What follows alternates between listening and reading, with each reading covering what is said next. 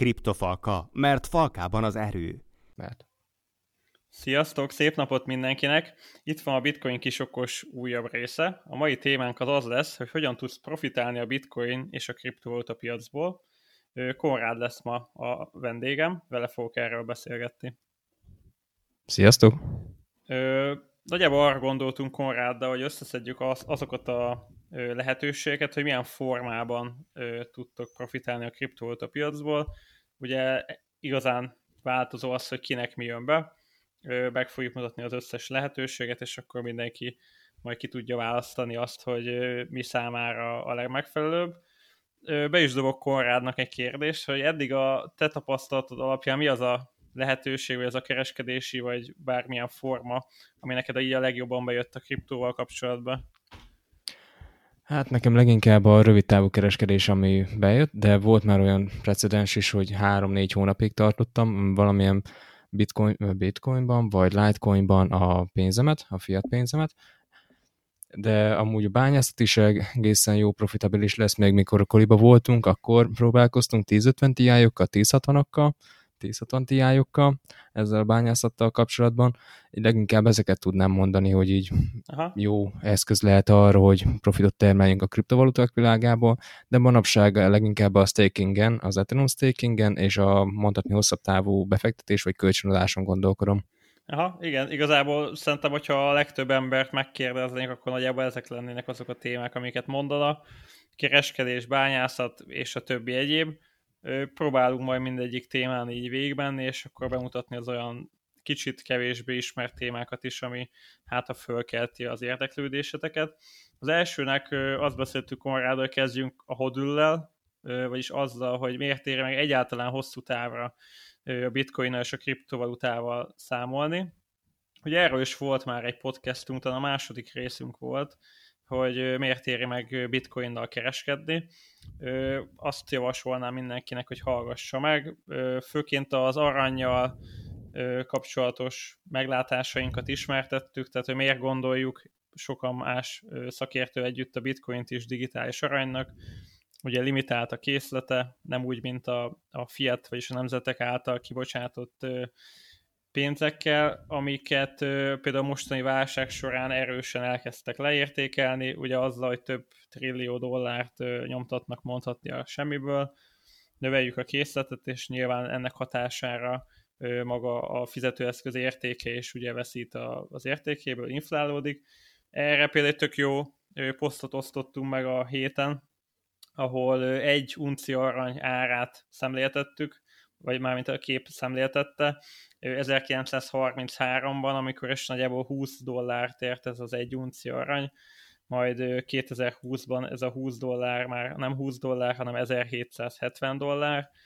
Ugye elég sok minden közrejátszik azzal kapcsolatban, mennyibe kerül egy unci arany, de jó részt azért a, a dollárnak a leértékelődése is benne van. És szoktak, szokták azt a csártot mutatni, nem tudom, Konrád te látta, de már ahol az 1910 X-es Fednek a megalapítása óta ö, mutatja be egy dollárnak a vásárló erejét, hogy hogyan változott az évek során. Hm, mennyi terméket tudsz összeállítani például vásárlókosaratban igen, igen, abból igen. az egy dollárból?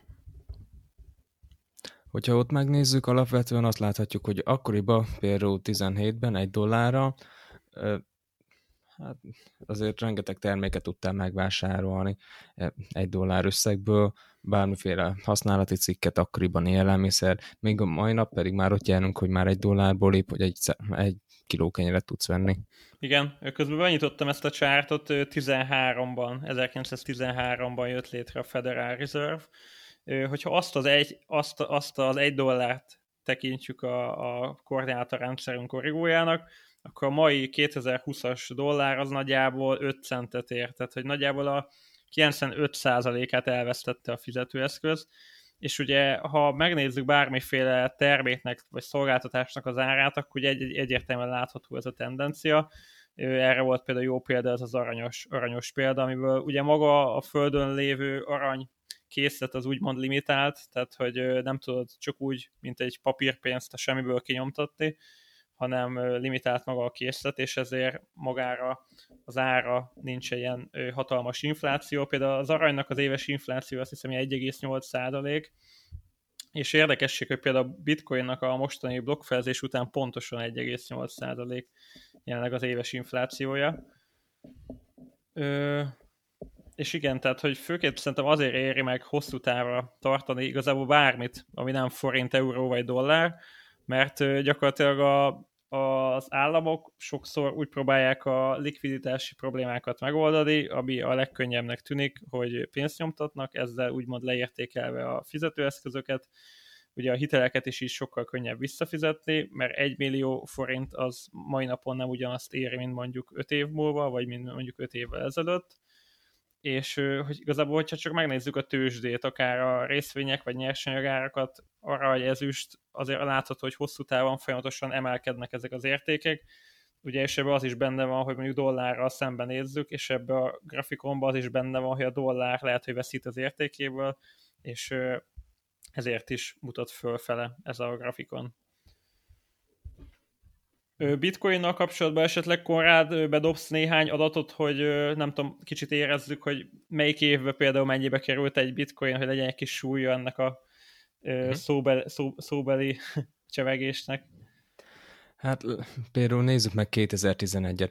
2011-ben tudjuk, hogy még akkoriban nem nagyon volt felkapott a bitcoin, sőt nagyon kevesen az early innovátorok hallottak leginkább róla. Akkoriban egy darab bitcoin egy darab dollárt ért, ez később folyamatosan növekedett az értéke, közben voltak persze visszaeső tendenciák is, de hogyha megnézzük, hogy 5 évvel később, például 2016-ban már 365 dollárt ért egy darab bitcoin, de és a mai nap például már 9000 dollárnál járunk 2020-ban.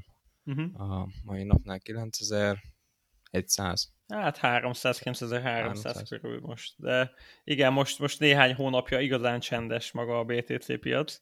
Hát folyamatosan oldalazás megy. Igen. Tényleg hihetetlen. Eddig mindenki amiatt akar beszállni a bitcoinba és a többi altcoinba, hogy ó, hatalmas volatilitás van benne, meg napról napra csak úgy változik az árfolyam, és most azt veszük észre, hogy legtöbbnél éppen csak, hogy megmozdul, vagy egy-két százalékkal. Igen, igen. Hát, de... stabilizálták volna. Ja, amúgy tényleg vicces, tehát, hogy úgymond a bitcoin kb. az egyik legrizikósabb befektetések egyike, ugye ez a hatalmas volatilitás miatt, de valóban kb. két hónapja 9200 plusz 200 dolláron oldalazik a bitcoin, de ugye erre a múltban is rengetegszer volt példa.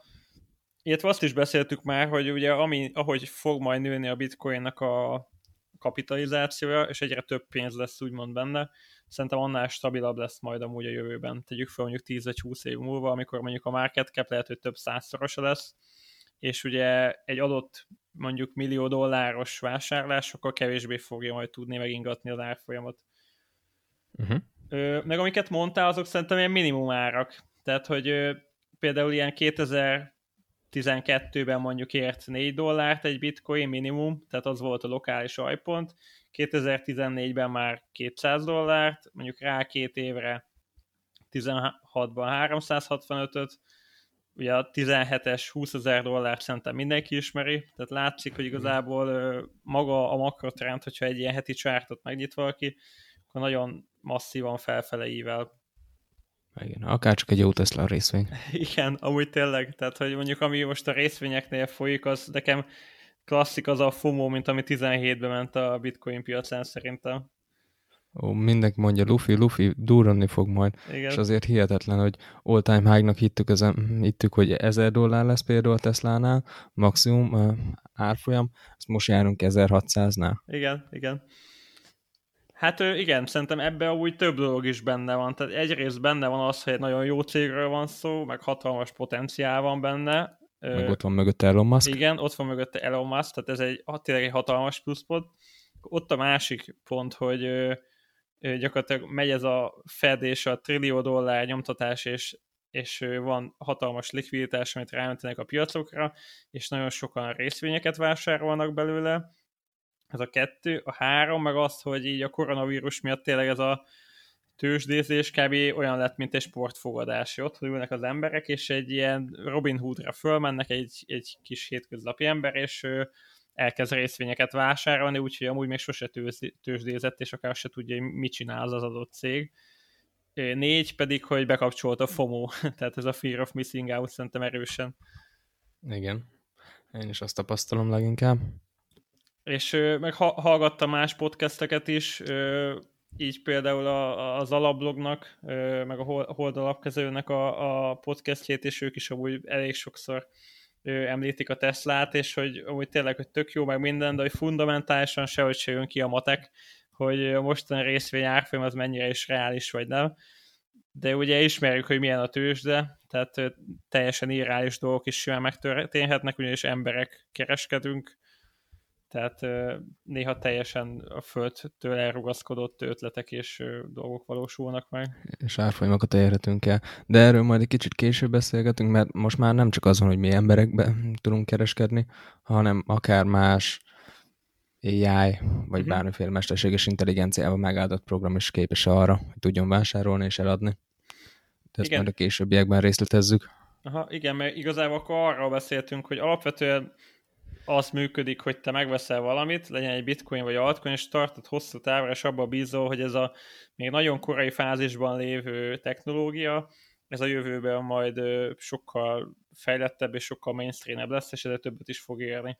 Pont ma láttam egy képet, így a múltbeli ö, sima számítógépekről, gondolom, az neked is megvan, amikor egy egy szoba nagyságnyi egy, egy darab számítógép. Igen amikor egy teherautó kellett ahhoz, hogy csak 8, 8 kilobájt romot vigyenek arrébb. Igen, és pont az jut eszembe, amikor valaki úgymond a blockchain-t szídja, vagy, vagy fikázza, hogy, hogy de hogy ez néhány pontjai tényleg mennyire akár még gyengébbek is, mint egy meglévő technológia. Tehát, hogy kb. ez olyan, mint hogyha egy általános iskolást leszídná, hogy miért nem tud integrálni, tehát, hogy még nagyon nem tartotta, amilyen, amivel miért mérnéd. Igen, pontosan. Emiatt is vagyunk mondhatni az early adapter státuszba, bármiféle altcoin, bitcoin nézzünk meg. Még tényleg nem állunk ott, hogy most is például egy kisebb vásárlást akartam megcsinálni, hiába rákérdezek, hogy bitcoinnal lehet fizetni, azt mondják, hogy azt se tudják, hogy mi az. Igen. Mondjuk ez, ez is olyan érdekes, meg vicces, mert például ezt a mikrofont, amiről most podcastelek, ezt pont bitcoinnal vettem, és teljesen meg voltam lepődve, hogy lehet bitcoinnal fizetni és úgy voltam vele, hogy mondom, kipróbálom, és amúgy teljesen korrekten, meg gördülékenyen ment az egész. De amúgy szerintem az is érdekes, hogy az interfészek is, meg minden azért egyre inkább felhasználó barátabb most, mint mondjuk négy éve volt szerintem. Hát igen, leginkább ezzel arra akarnak rámenni, hogy az embereket minél jobban, minél könnyebben meg tudják fogni, mert azért, hogyha megnézzük, hogy teljesen átláthatatlan UI-jal rendelkező programot, te nem fogsz szívesen használni. Persze. Míg pedig, hogyha teljes mértékben barátságos, szépen minden, nagyon sok színnel működik, szépen ki vannak emelve gombok, akkor azt mondod, hogy rá, oké, okay, ez, ez így tetszik. Látod, hogy megvan a user experience, hogyha úgy nézzük, és már csak azért is fogod használni. Igen, és, és igazából tényleg sokszor az a baj, hogy itt a kriptópiacon nem az, hogy így a esztétikai dolgok, mint mondjuk, hogy említetted, a gombok nincsenek meg, hanem hogy tényleg így a hétköznapi felhasználó számára néha teljesen érthetetlen dolgokat kell csinálni, tehát tényleg ezen még azért van mit csiszolni. De, de szerintem az elég jó hasonlat, hogy, hogy például a számítógépet se kezdték el 20 éve fikázni, hogy miért nem tud streamelni vele a mezőről egy szobaméretű valamivel. Igen, pontosan. Ja, és igazából ez is szerintem a másik nagy plusz mellette, hogy úgymond hatalmas a potenciál benne, tehát ugye Blockláncról is volt már podcastünk, talán az első vagy második volt. A második volt, ahol adtuk Aha. a gyors talpalót ezzel kapcsolatban, de nyugodtan hallgassátok meg újra. Aha, igen. Hát az adott ismereteiteket ebben a témában. Igen, mert itt igazából arra gondolok, ugye, hogy sokan a bitcoin meg a blokklánc közé egy egyenlőt tesznek, ott azért ez nem így van, és hogy oké, a bitcoin a blokkláncnak az alfája, meg az omegája, de, de azért nagyon sokan vannak már most is, akik olyan csíra van bennük, hogy ha az kinő, akkor jövőben lehet, hogy teljesen máshogy lesz. Neked melyik a kedvenc ilyen felhasználási módod a blokkláncnál? Tehát mondjuk a fizetéstől tekintsünk el, tehát mondjuk a bitcoin leszámítva, hanem másik felhasználási mód. Hát tudod jól, hogy én inkább a fejlesztést pártolom, uh-huh. a dappokat, hogy azokon elosztott rendszerű programokat tudjak létrehozni, így felhasználó szempontjából ezt tudnám leginkább megemlíteni. Erről tudsz egy kicsit mesélni, hogy így a hallgatók megértsék, hogy az a decentralizált applikáció az miért is jobb, mint mondjuk egy sima, vagy hogy hogyan kell ezt elképzelni, miért, miért, miért is gondolt, hogy ez? Persze, hát alapvetően a decentralizált applikációkat az Ethereum platformon fogjuk létrehozni. Ez nekünk amiért lesz jó, mivel teljesen osztott rendszerrel működnek, magyarul, hogyha legtöbb ember volt egyetemista, jól ismerik a Neptun rendszer, például egy tárgyfelvételnél. Tudjuk jó, hogy rendelkeznek például 10 darab szerverrel, ami folyamatosan állátja a ta- tanulóknak a helyfoglalását, és kezelik a mindenféle tranzakciókat, vagy mondhatni tárgyfelvételeket, tárgyleadásokat, vizsgafelvételeket, és azért rengetegszer megéltük már azt, hogy teljes mértékben betelt a rendszer. Na, ez amiatt van probléma, mert ez amiatt volt probléma, mivel Ilyenkor a rendszer, a szerverpark teljes mértékben limitálva van, nem, ezt, nem elosztott rendszerről beszélünk, mivel csak például mondjuk egy számot 10 darab szerverre rendelkeznek. Nem tudják azt megcsinálni, hogy az adott pillanatban, amikor legnagyobb szükség lenne rá, hogy még egy plusz szervert indítsanak be.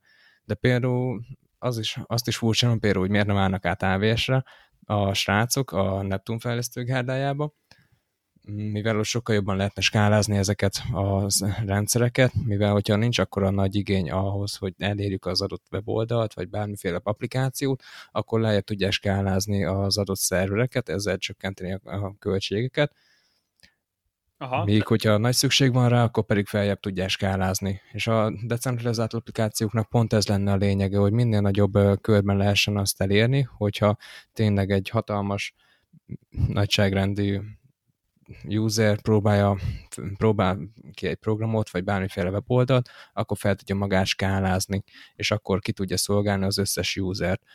Uh-huh. És azért ezzel is sokkal jobban megadja ezt a felhasználó baráti érzetet, mint például egy Neptun nézzünk meg. Aha, tehát én is emlékszem a Neptunra, meg tudom, hogy hogyan trükköztünk, hogy bejussunk meg, és a többi. Hogy, Mikor az összes szerverre beloggoltál. Igen, meg nem tudom, megnyitottam tíz ablakból, meg F5, meg automatikus frissítés, meg minden, de hogy akkor, ha jól értem, akkor egyrészt azért jó a decentralizált applikáció, mert nem egy véges erőforrásod van, hanem tegyük fel egy végtelen erőforrás, amiből mindig annyit hívsz le, amennyire neked szükséged van, ugye? Így van, pontosan. Ha. Nagyon jól részletezted. Hát ez a mondhatni a alfa omegája, hogyha úgy nézzük. Aha a dapoknak. És ehhez igazából a blokkláncra miért van szükség? Tehát, hogy azt nem lehet elképzelni, hogy lenne egy ilyen szolgáltató, egy vállalat, aki azt mondja, hogy figyelj, tudsz erőforrás kölcsönözni, amikor ahogyan akarsz. Tehát, hogy a blokklánc nélkül ezt az egészet nem lehetne elképzelni szerinted?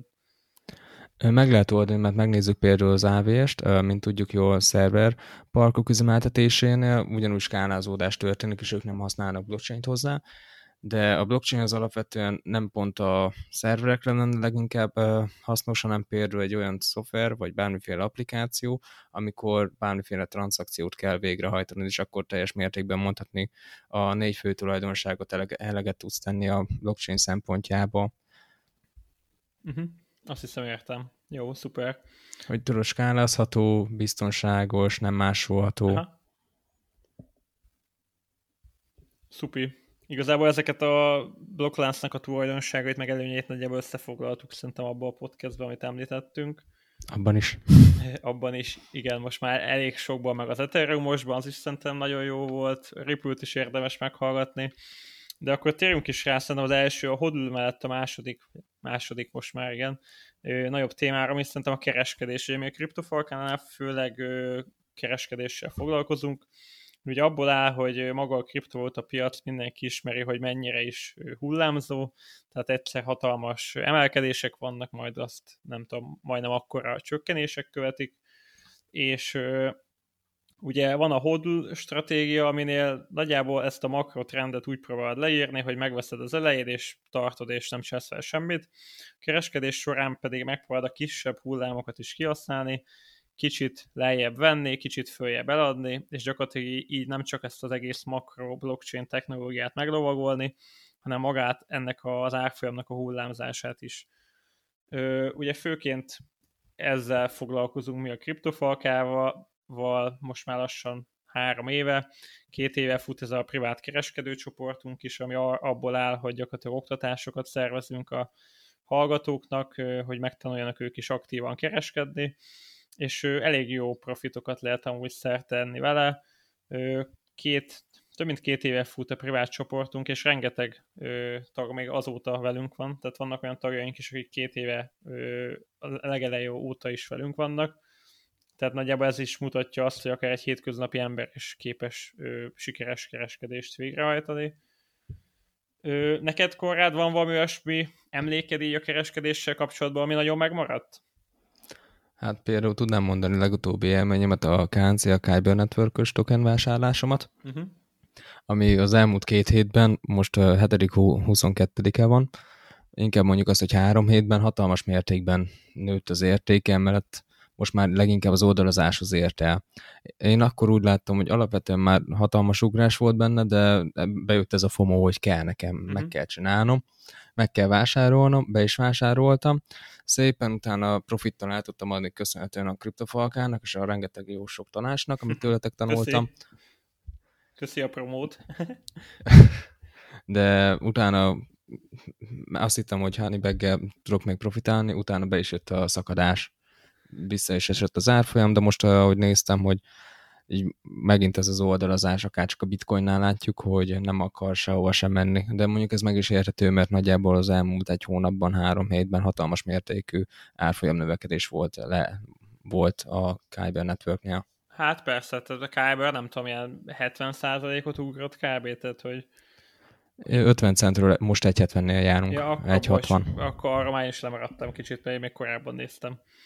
Ö, igen. Ja, igen. Amúgy itt a kereskedéssel kapcsolatban azt említeném meg, hogy szerintem nagyon sokan így félreértik ezt az egész kereskedés dolgot, meg elemzéseket.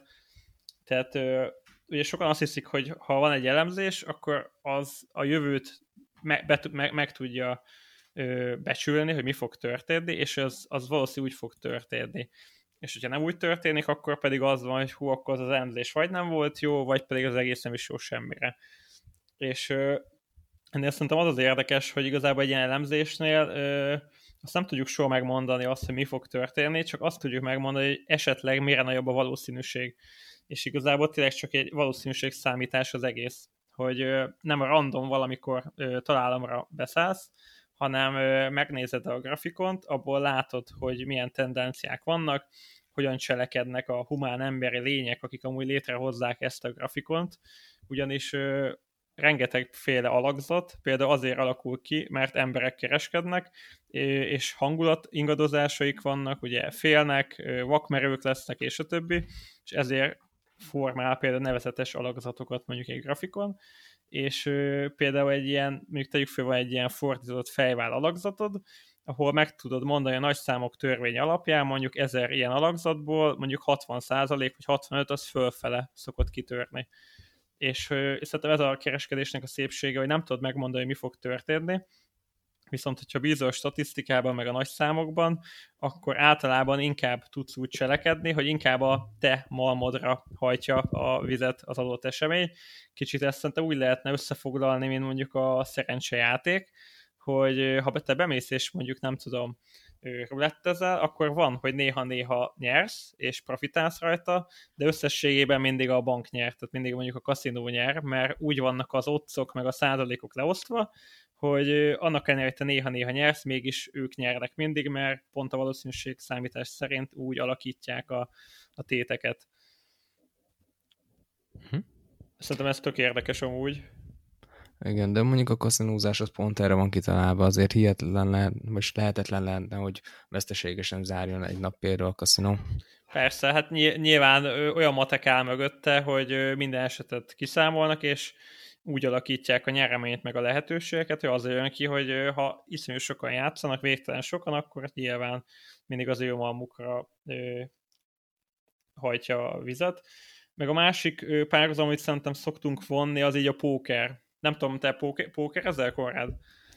Próbálkoztam, próbálkoztam, inkább azt mondom. Mondj, van póker készletem, de a, inkább csak a texasi. Aha, az igen. még úgy benne van, de a favoritom blackjack. Igen, csak mert például a póker is iszonyú jó, has, iszonyú jó hasonlat, hogy igazából az, hogy te milyen lapokat kapsz, azt te ugye sehogy nem tudod befolyásolni, viszont azt, hogy azokat hogyan játszod meg, mikor játszod meg, tehát amikor tudod, hogy most jó lapjaid vannak, és azt nagyon meg kell tolni, akkor megtolod, ha nem, akkor inkább kiszállsz, és hogy a póker szerintem nagyon jó hasonlat, hogy igazából azt lehetne mondani, hogy tiszta szerencsejáték az egész, és tök a véletlen műve, Viszont, hogyha egy amatőrt összeengedsz egy profival, akkor a profi kb. 100% esélye mindig elveri az amatőrt, mert pontosan tudja, hogy mikor kell oda tenni magát, és mikor kell inkább visszavonulnia.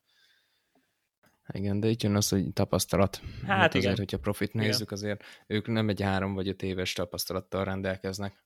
Jó, mondjuk láttam már arra is precedenst, hogy tényleg New Bike-én be, bekerül, és akkor veri az egész Aha. csapatot, de az leginkább a lakó és a szerencse. Hát meg a cinkelt kártyák. Hát, igen. Ja, hát igen, a tapasztalat az, az a kereskedésnél is, tehát én mindig azt szoktam mondani, hogy az első egy év azt szerintem vagy nullás, vagy mínuszos, és onnantól lehet bármiféle profitról beszélni szerintem. Tehát, hogy annyiféle tanuló hiba, meg tanuló esemény van, amikor kb. mindenki ugyanabba beleesik, amikor elkap a hév és túltolod, meg amikor teljesen bepánikolsz már a legkisebb mozgástól is, és eladsz mindent, és azt lehet ki is utalod. Tehát a tapasztalat azt szerintem nagyon-nagyon sokat számít itt is, ugyanúgy, mint minden szakmába. De nyilván, hogyha angolul akarsz tanulni, akkor lehet, hogy rámegy három éved, a kereskedés is ugyanilyen szakma, amit, amit sajnos tanulni kell, vagy hát nem sajnos, de igen. Igen, de örüljük, legalább van egy új terület, amit meg lehet tanulni, és van hozzá elérhetőség is. Aha. Meg bármiféle könyveket, vagy bármiféle blogposztokat is érdemes elolvasni ezzel kapcsolatban, azokból is rengeteget tanul, lehet tanulni. De ha megnézzük, egy vállalkozás is ugyanúgy működik. Azért nagyon kevés vállalkozó mondhatja el azt, hogy az első éve után ő profitabil, profitált a vállalkozásából. Ja, ja. Mindig úgy kell számolni, hogy a első év az tényleg vagy mínuszra, vagy épp, hogy nullára kijön, és a, utána lehet majd építkezni. Uh-huh. Kereskedésről szerintem nagyjából ennyit, a honlapunkon elég sok anyag van amúgy, hogyha érdekel titeket, sőt van egy nagyon jó e-bookunk, nagyjából 170 oldal, ahol rengeteg témát összeszedtünk a teljesen alapoktól, mi a bitcoin, mi az a blokklánc, olyan tudsz utalni, de a végén van egy majdnem 50 oldalnyi kereskedési alapok, mit látsz a grafikonon és hol, milyen indikátorok vannak, melyik mire szolgál, meg egy-két eset tanulmány van benne. Ezt ajánlom mindenkinek amúgy. De térjünk is rá a következő témára. Szerinted hogyan lehet még profitálni Konrád a bitcoin a kriptovaluta piacból? Hát, még bányászat, uh-huh. amit leginkább mindenki harsog, meg mindenki ismer. Ö, gyorsan elmondanád a hallgatóknak, hogy nagyon-nagyon röviden, hogy mi is az a bányászat, meg hogy miért éri meg bányászni? Uh-huh. Szóval akkor a bányászatot leginkább úgy tudnám jellemezni, meg úgy tudnám legrövidebben elmondani, hogy erőforrást adunk kölcsönbe. Rendelkezünk bizonyos erőforrásokkal, legyen ez videókártya, ASCII kártya, ami kapacitással bír. És a bányászok, annak az a fő feladata, hogy a blockchain networkön létrejött blokkokat ö, megtalálják, megfejtsék, ehhez nekük ö, hatalmas mértékű kapacitásra van szükségük. Mivel olyan kódolással jönnek létre ezek a blokkok, hogy meg lehet csinálni papíron is persze, de az nem annyira profitabilis, hogyha úgy nézzük e, ebből a szempontból. Emiatt is történik az, hogy egy bányász először elkezd egy kártyával, később pedig azt a észre egy év múlva, hogy már van 20 kártyája például de a legkedvezőbb, amit mai napig is érdemes próbálko- próbálkozni, az Ether, Ethereum klasszikkal, amit érdemes bányászni, vagy esetleg az Ethereum. De legtöbben már bányász poolokba rendeződnek, ahol mondhatni közösen megosztják egymással az erőforrásokat, és így tudnak például bitcoin bányászni. Persze ezeket az összegeket el kell osztani egymás mellett. Uh-huh. Oké, okay. köszi Konrád az összefoglalót, kicsit szerintem ez technikai volt, én megpróbálom nagyon-nagyon leegyszerűsíteni, tehát nagyjából a bányászok nélkül nincsen blokklánc, a bányászok nélkül nem tudsz utalni, tranzakciót végrehajtani, vagy bármilyen adatot írni magába a blokkláncba, és a bányászok azok, akik föntartják ezt az egész rendszert, és ezért ők minimális jutalomban részesülnek. Blokkjutalommal, pontosan. Aha, pontosan blokkjutalomban. Ugye, amiről a bitcoin felzésről szintén volt egy podcastünk, meg ugye említetted ezt a mit éri meg bányászni, azzal kapcsolatban pedig Alia Rával az egyik kedvenc bányászunkkal volt egy podcastünk, ahol ő bevezetett minket a bányászat világába. Ő ezt is mindenkinek ajánlanám, aki, akit ez a téma érdekel. A podcastünknek az ötödik része. Pontosan.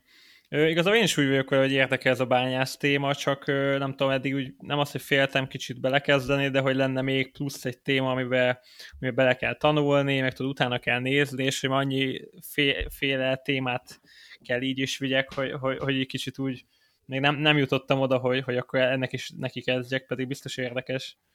Érdekes meg leginkább technikai szempontból, mert tényleg, hogyha fejlesztői szemmel nézzük, akkor én azt tudnám mondani, hogy ez a legérdekesebb része a kriptovaluta profit szerzéseinek hogyha tényleg fejlesztői szemmel nézzük egyszerű felhasználóként, akkor egy, inkább a kereskedés mellett pártolni. Uh-huh. Az a probléma a bányászatta, hogy azért ott technikai tudással rendelkezni kell, mert azért meg kell érteni, hogyan működik alapvetően a blockchain, mi, hogy merre történik egy tranzakció, azokat hogy kell kódolni, dekódolni, hogy kell beállítani ezeket a blokkokat, meg persze utána számolni kell, hogy milyen összegekkel lehet szerezni bizonyos blokkjutalom után, mit történik a blokkfelezés, például a bitcoin amit korábban említettél, hogy ezek ugyanúgy profitabilisek lesznek, vagy sem. Hát igen, Mert igen. Azért... Meg ugye az áramnak a díja, ugye, amivel mi itthon tudunk rész, ö, tehát amilyen, ami, ilyen ára, ami hozzájutunk a villamos áramhoz, az ugye nem feltétlen mindig profitábilis.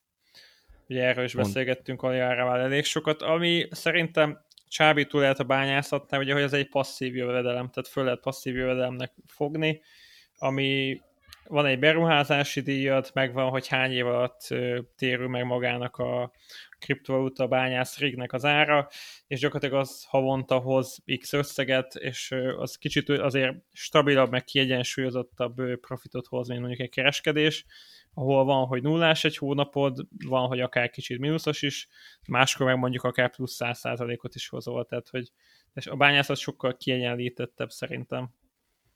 Igen, és hogyha valaki még kiegyenlítettebb akar, akkor például tud bérelni rigeket is. Uh-huh. Na most itt a bányász témával kapcsolatban jutott eszembe az Ethereum. Ugye a legnagyobb altcoin, róla is nagyon-nagyon sokat szoktunk beszélni, meg szeretünk is. Pont most jött ki az a hír, hogy heteken belül elindulhat az Ethereum 2.0-nak az utolsó tesztnetje. Pontosabban augusztus 4-ére, azt hiszem, igen, augusztus 4-én fog elvileg mhm. elstartolni.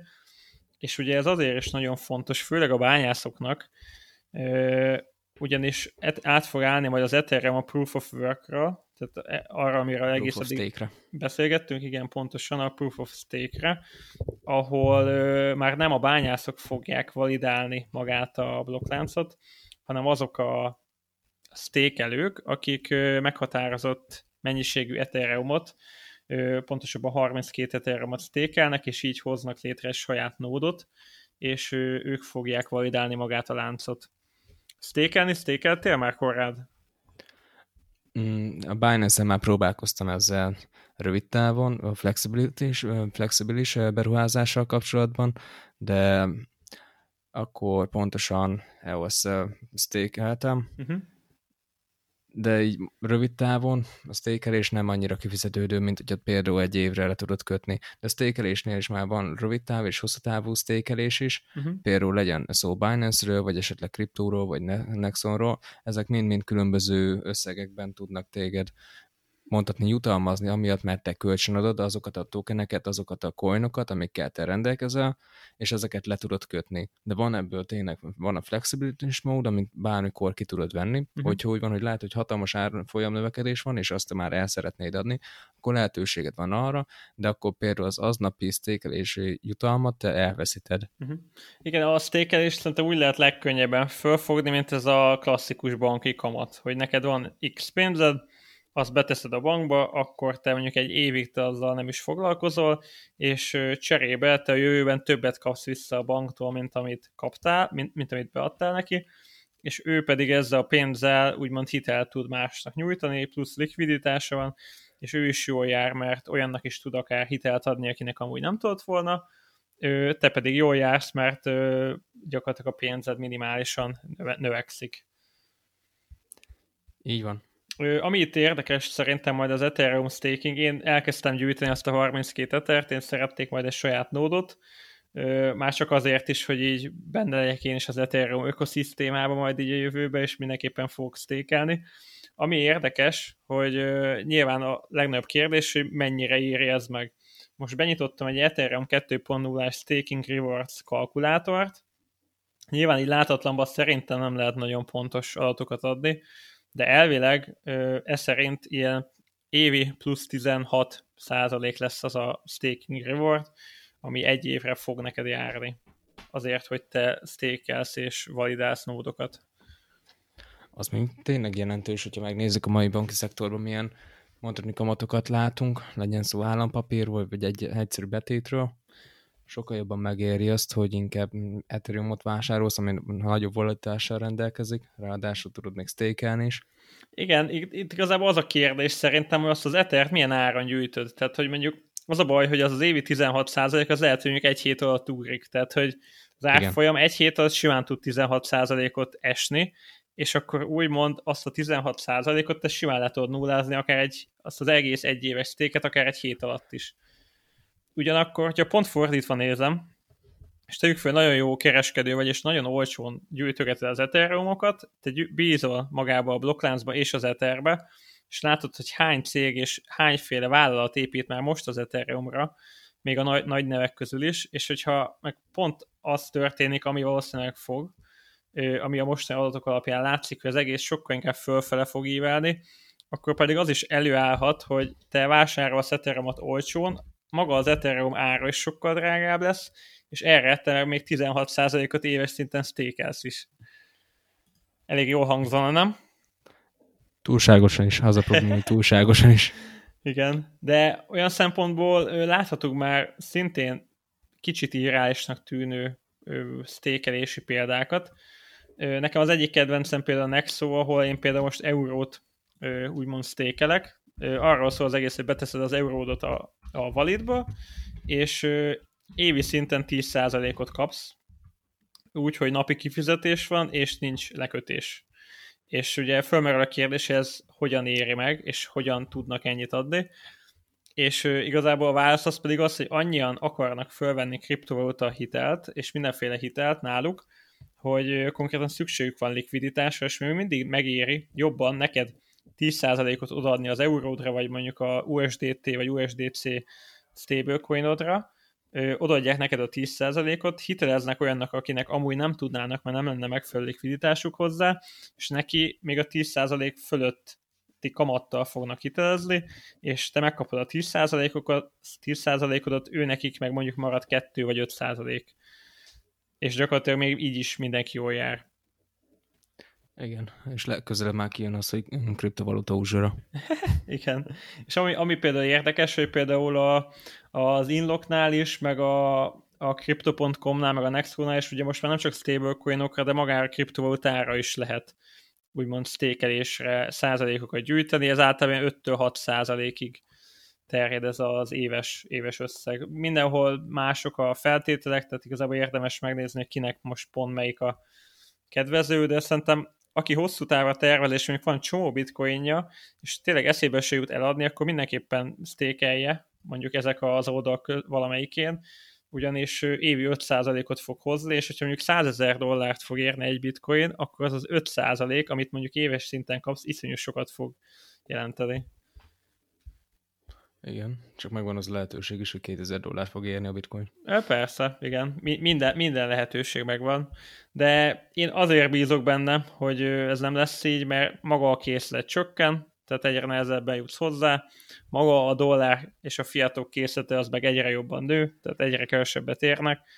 Tehát a mateknak nagyon nem kéne kiadnia önmagát, hogy, hogy azt lássuk, hogy még 10 év múlva 2000 dollárt ér a bitcoin, de meglátjuk, hogy alakul.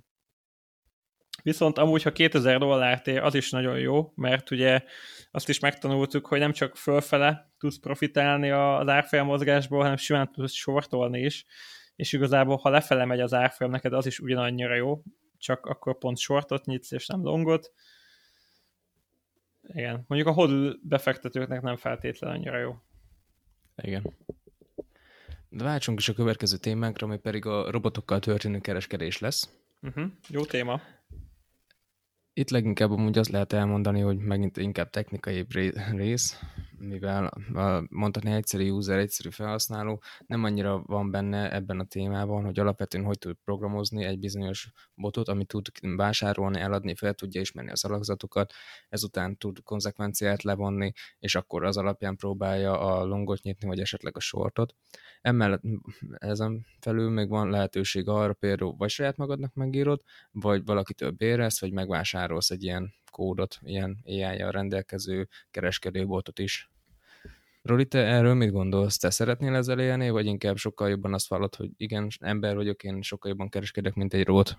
Hát szeretném ezt mondani, de nem vagyok annyira naív. Tehát én azt minden, mint gépészmérnök teljesen jogosnak találom, hogy egy gép egy idő után mindenben jobb lesz, mint egy ember. Tehát, hogy beszéltünk most mondjuk egy önvezető autóról, oké, annak is még vannak hibái, meg az is csinál hülyeségeket, lásd, amikor a Tesla mondjuk belemegy az előtte álló keresztbe álló kamionba. Nyilván vannak ilyenek, de én azt vallom, hogy szerintem, hogyha nagyon hosszú távon nézzük ezeket, és rengeteg információ áll a robotnak, vagy akár egy gépnek a, a birtokában, akkor végezetül mindenképpen jobb lesz, mint az ember, nem fog hisztizni, nem fog idegeskedni, nem fog azon aggódni, hogy elbukja a pénzét, és hogyha te megfelelően meg tudod tanítani arra, hogy tényleg úgy cselekedjen, ahogy a, a statisztika alapján a legjobb, akkor szerintem végezetül igen, lehet, hogy maga egy, egy robot jobban fog kereskedni, mint egy ember. Szerintem itt jelenleg még nem vagyunk, de, de látok rá esélyt, hogy jövőben akár ez is előállhat. Én jelenleg azt támogatom, hogy ilyen félautomatizált valami. Tehát például nekünk is van ez a MACD pullback makronk, ami például ad egy jelzést, hogyha egy bizonyos feltételrendszer teljesül, és akkor azt te, mint humán ember elény meg tudod nézni a grafikonon, és el tudod dönteni, hogy ez most tényleg szerinted érdemes arra, hogy belevásárolj, vagy, vagy nem. Mhm. Ez még teljesen jó meglátás, de még azt hozzáteszem, hogy közeljövőben inkább még azt mondom, még a távolabbi jövőben sincs arra lehetőség, hogy teljes mértékben tudjuk automatizálni a robotokkal történő kereskedés, mert azért megnézzük, hogy mekkora mennyiségű adatra van szüksége ahhoz, hogy fel tudja ismerni ezeket az alakzatokat. Uh-huh. Emellett olyan dolgok is közbe jöhetnek, például egy 2008-as válság, amit nem nem pont 2008-as, hanem kicsit eltérőbb, nem tudja felismerni, nem tudja akkor mit, mit tegyen, hogy tegyen. Uh-huh. Igen. És hogyha félautomata, akkor ebből jól tudsz kijönni, vagy akár rosszul, de egy robot például akkor nem tud döntés hozni. Aha, igen, e, ezt adom amúgy. Mm. Ja, tehát én mindenképpen azt látom, hogy van benne jövő, meg potenciál, az biztos, még azért szerintem kell fejlődniük, de szerintem mindenki találkozott már robotokkal, mi akkor is, ha nem tud róla. Tehát például biztos, hogy történt már olyan veled a, a tőzsdén, hogy ott van a, az orderbookod, beadsz egy ordert, és egyből minden, hirtelen mindig valaki rád, rád licitál. És hogy nagyon sokszor szoktak ilyen buy meg sell fölhúzni, meg megszakítani az ordereket, tehát azért amúgy elég szépen lehet látni a tőzsdén, hogy azért mennek itt az automatizált kereskedések. Sokszor bizonyos coinoknál a volume is nagyon érdekes tud lenni, amikor azt látod, hogy össze-vissza. Tehát, hogy azért látszik, hogy jelen, jelen vannak a robotok magán a kriptovaluta tőzsdén is. Ö, nagyjából ennyi. Mit így a robotokról gondolok. Esetleg az arbitrázsról tudsz egy kicsit mesélni? Aha. De ő... úgy hallottam, neked több tapasztalatod van benne, mint nekem. Hát én se tudom azt mondani, hogy nagyon-nagyon sok van, de ugye az arbitrázs nagyjából annyira szól, vagy amire én használtam, hogy ugye az, hogy egy tőzsdén mennyibe kerül mondjuk egy bitcoin, az ugye az adásvételektől függ. Tehát a kereslettől, a kínálattól gyakorlatilag. És ugye többféle tőzsde van, van mondjuk amerikai, van kínai, van ez meg az, van ahol USDT ellenébe kereskedsz, van ahol rendes USD ellenébe, és ugye azt azért látjuk, hogy az, hogy az egyik tőzsdén ugyanannyiba kerüljön valamint a másikon, az ugye nem, nem mindig teljesül. Pontosan azért, mert mások kereskednek, máshogyan látják a dolgokat, és egy minimális különbség mindig van az adott tőzsdei árak között.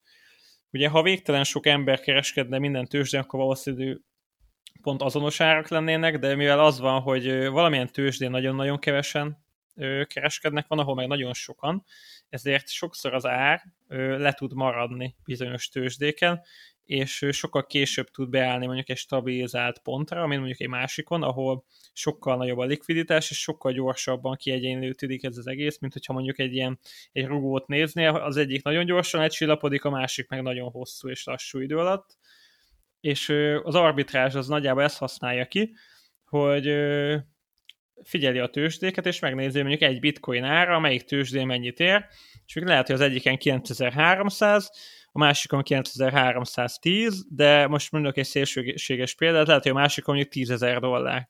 és annyit csinálsz, átdobod a bitcoinodat a tízezeresre, ott eladod, majd visszadobod a dollárt, ott megint megveszed a bitcoint, és gyakorlatilag egy, egy körforgást teremtesz a tőzsdék között, és kihasználod ezt a különbséget. Én nekem nem sok tapasztalatom volt vele, egyszer volt, hogy már nem is emlékszem, mi volt a tőzsdének a neve, és azt vettem észre, hogy a Litecoin, Bitcoin pár, a Binance meg ez az apró tőzsde között 3% volt.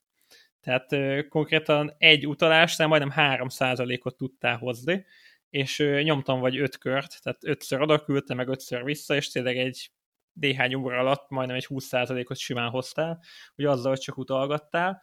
Majd ott hagytam abba az egészet, amikor az egyik alkalomnál a végén kb. nem tudom, egy fél napig nem jött meg a Litecoin utalásom, vagy nem tudom, nagyon hosszú ideig, és ugye általában az ilyen nagyon gagyi kisebb tőzsdéknél áll ez inkább elő, nem a nagyobb likviditásoknál, és akkor nyilván ö, kitéped a hajadat, hogy akkor most vége az egésznek, soha többet nem csinálsz ilyet.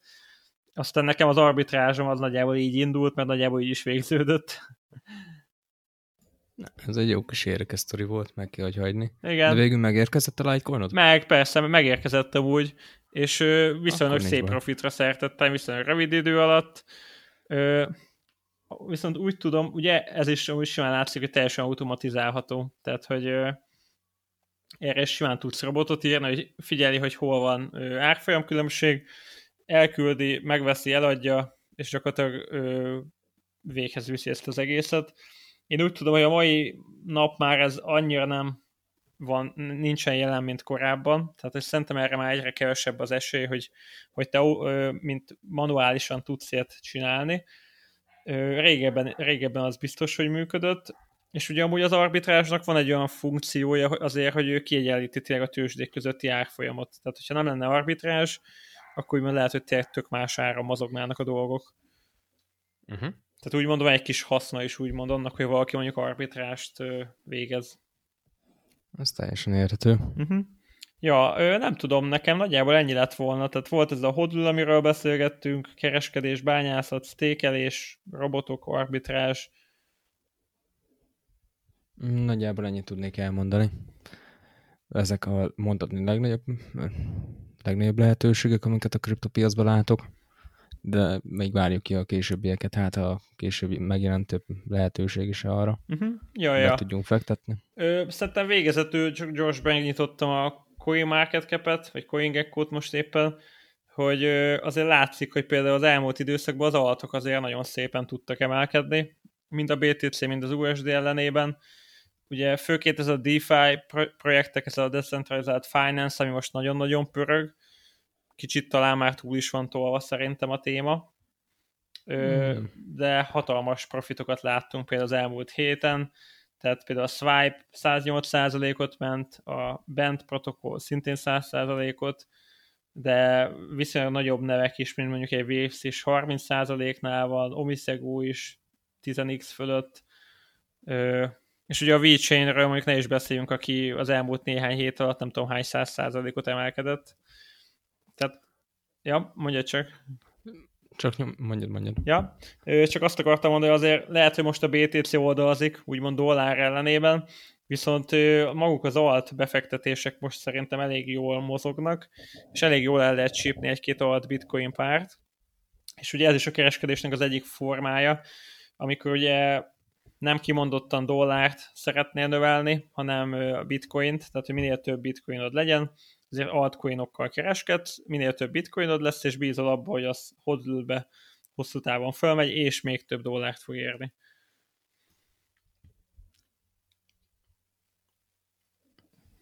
Uh-huh. Így végezetül egy kis promó így a kereskedés, meg az lehet, hogy azért lehet, hogy a BTC most oldalazik, de a, maga az altcoin piac az nagyon szépen teljesít most szerintem. Most megjött a virágzása mondhatni az altcoinoknak. Hát igen, azt szoktuk is mondani, hogy az altcoinoknak általában az a piaci, amikor a BTC oldalazik és stabil és nyugis, akkor tudnak emelkedni. Aztán, hogyha meg fog jönni a bitcoin a dinamika, akár föl, akár le, akkor abból is biztos vagyok, az altcoinok szívni fognak. Ugye dollár ellenében nem mindig látod, tehát az csalóka tud lenni, ezzel mindig bitcoin ellenében célszerű nézni az altcoinok árát is, mert tegyük föl, hogy mondjuk a bitcoin emelkedik 20%-ot, ö, azt látod egy altnál, hogy mondjuk ö, emelkedett ő pedig, nem tudom, 5%-ot, és látod, hogy hát jó, ez az 5%, ez tök jó, meg minden, de igazából a bitcoin 20%-ot emelkedett, tehát az alt a bitcoinhoz képest 15%-ot csökkent, és igazából az a plusz 5%-a az is csak azért van, mert a bitcoin 20%-ot emelkedett. Tehát, hogy az USD ellenében csalókat tud sokszor lenni, és inkább ezért szeretem én a BTC ellenében nézni az altokat. Na, ő szerintem e- ennyi lett volna már. Esetleg, hogyha van majd ötletetek a podcast témára, akkor nyugodtan írjátok meg nekünk Facebookon, Instagramon, akár a Slack-es privát csoportunkba, e-mailbe, Konrádnak nekem, bármiről szívesen beszélgetünk, ami bitcoin és boklánc, és köszönöm Konrád, hogy itt volt, illetve a hallgatóknak is köszönöm, hogy itt voltatok. Nagyon szépen köszönöm. Sziasztok! Sziasztok!